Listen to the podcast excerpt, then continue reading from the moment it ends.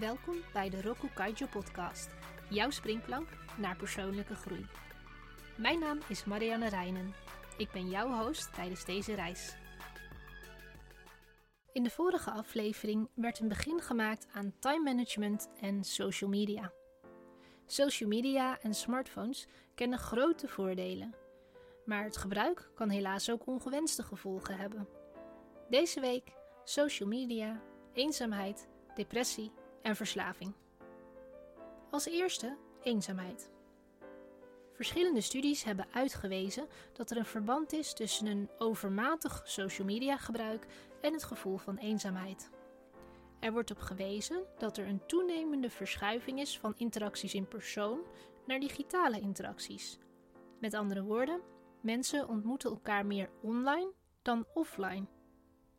Enkele onderzoekers publiceerden in 2017 een rapport dat aantoont dat social media apps het beste kunnen worden gebruikt om bestaande relaties te verbeteren of nieuwe, betekenisvolle connecties met anderen aan te gaan.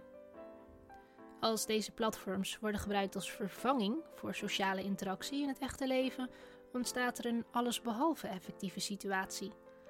In plaats van dat het van toegevoegde waarde is, lijkt het voor uitholling te zorgen.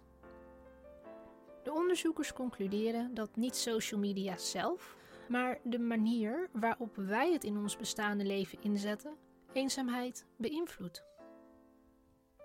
Belangrijk in dit licht is een rapport uit 2021 door de Universiteit van Surrey met betrekking tot het gebruik van Facebook. Gebruikers van Facebook, die over het algemeen piekeren en zichzelf vergelijken met personen tegen wie zij opkijken, ervaren meer eenzaamheid door het gebruik van social media. Voor sommige personen en doelgroepen kan de impact dus groter zijn dan voor anderen. Een tweede ongewenste bijwerking is depressie. Hoewel niet is aangetoond dat social media platforms depressies veroorzaken, is wel gebleken dat ze een depressie op diverse manieren kunnen versnellen. Het verdwijnen van echte sociale contacten blijkt uit wetenschappelijk onderzoek daarbij het belangrijkste te zijn. Hoe moet je dat zien? Kort gezegd, stress kan een behoorlijk risico voor het opkomen van een depressie zijn. Sociale contacten bieden bescherming tegen stress. Psychische gezondheid wordt bevorderd door een degelijk sociaal vangnet, een goede mate van sociale ondersteuning door de omgeving. Van belang is daarbij dat er in die sociale omgeving geleefd wordt. Dat is waar een social media app als stoorzender kan fungeren, omdat die steeds meer de plaats in lijkt te nemen van echte interacties. Roy Perlis, professor psychiatrie, zegt het volgende. Constant kijken naar afbeeldingen van mensen die gelukkiger lijken dan jij, meer succesvol zijn dan jij, die over het algemeen een beter leven lijken te hebben dan jij, zorgt er zeker niet voor dat de meeste mensen zich beter voelen. En hoewel er nog volop onderzoek wordt gedaan naar het precieze verband tussen social media en depressie, is één ding in elk geval duidelijk: online sociale interacties zijn geen vervanging voor het echte leven. Als derde en laatste negatieve consequentie verslaving. Wellicht een bekend verschijnsel. Je wil even een berichtje sturen naar een vriend en vervolgens ben je een half uur aan het scrollen op Instagram. De gemiddelde tijd die per dag wordt besteed aan social media is wereldwijd zo'n 2,5 uur per persoon. Onderzoeken laten zien waarom het zo gemakkelijk is om afgeleid te worden door apps zoals Instagram of TikTok deze platforms bieden hapklare brokjes waarmee je zonder moeite meerdere video's of berichten achter elkaar kunt bekijken. Er wordt vaak automatisch vergelijkbare content voorgesteld. En veel platforms beginnen zelfs automatisch vergelijkbare video's af te spelen. De toegankelijkheid van deze media is precies wat het ons als gebruikers zo moeilijk maakt om hieruit te ontsnappen en terug te gaan naar waar we mee bezig waren. Uiteindelijk is er niets mis met het bekijken van één of twee grappige video's of het scrollen door een paar memes. Het wordt echter een probleem als dit je ervan weerhoudt de dingen te doen die je eigenlijk wil of moet doen. Nog even terug naar de positieve kant. Naast het in de vorige aflevering genoemde gemak en efficiëntie het volgende. Een onderzoek uit 2018 door de Universiteit van Pennsylvania. De wetenschappers gingen bij hun onderzoek naar social media gebruik, eenzaamheid en depressie uit van twee groepen. Eén groep die een maximum van in totaal 30 minuten per dag aan social media mocht besteden voor een periode van drie weken.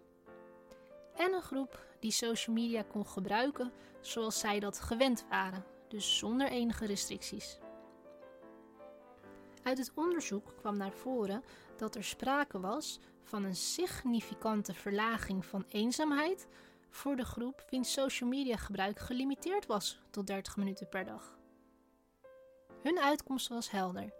Wanneer beperkt gebruik wordt gemaakt van social media, kan de kans op eenzaamheid en depressie juist worden verkleind en kan het welzijn mogelijk significant worden verbeterd. Helaas kan overmatig social media gebruik ongewenste bijwerkingen hebben. Net als met eten geldt, doe het met mate, let op de ingrediënten en zorg dat je in balans blijft. Rokukai weektip. Voel jij je soms eenzaam na een tijd lang gescrolld te hebben op je smartphone? Of krijg je wel eens last van onzekerheid na een tijdje in andermans digitale leven doorgebracht te hebben? Misschien helpen deze twee tips jou. 1. Eenzaamheid. Bedenk waarom je je eenzaam voelt. Heb je buiten de digitale wereld misschien weinig echt contact met mensen? Een paar suggesties. Groet eens spontaan iemand op straat. Probeer een praatje aan te knopen met een buurman of buurvrouw. Wens de kassamedewerker bij de supermarkt oprecht een fijne dag toe. 2. Onzekerheid. Besef dat op social media platforms vaak alleen hoogtepunten worden gedeeld. Vaak zie je een beste foto uit tig opnames of selfies, al dan niet gefotoshopt. Dit is geen betrouwbare weergave van de werkelijkheid. Heb je een van deze tips toegepast? Dan ben ik erg benieuwd naar jouw opbrengst. Deel deze gerust met me. Wil je serieus aan de slag met time management als het gaat om jouw social media gewoonten? Luister dan volgende week naar de nieuwe aflevering. Daarin zullen vier strategieën worden benoemd om de tijd die jij steekt in jouw smartphone en social media gebruik terug te dringen. Bedankt voor het luisteren naar de Roku Kaiju podcast. Schakel elke donderdag in voor een nieuwe aflevering. Meer informatie en het laatste nieuws vind je op de website roku-kaijo.com.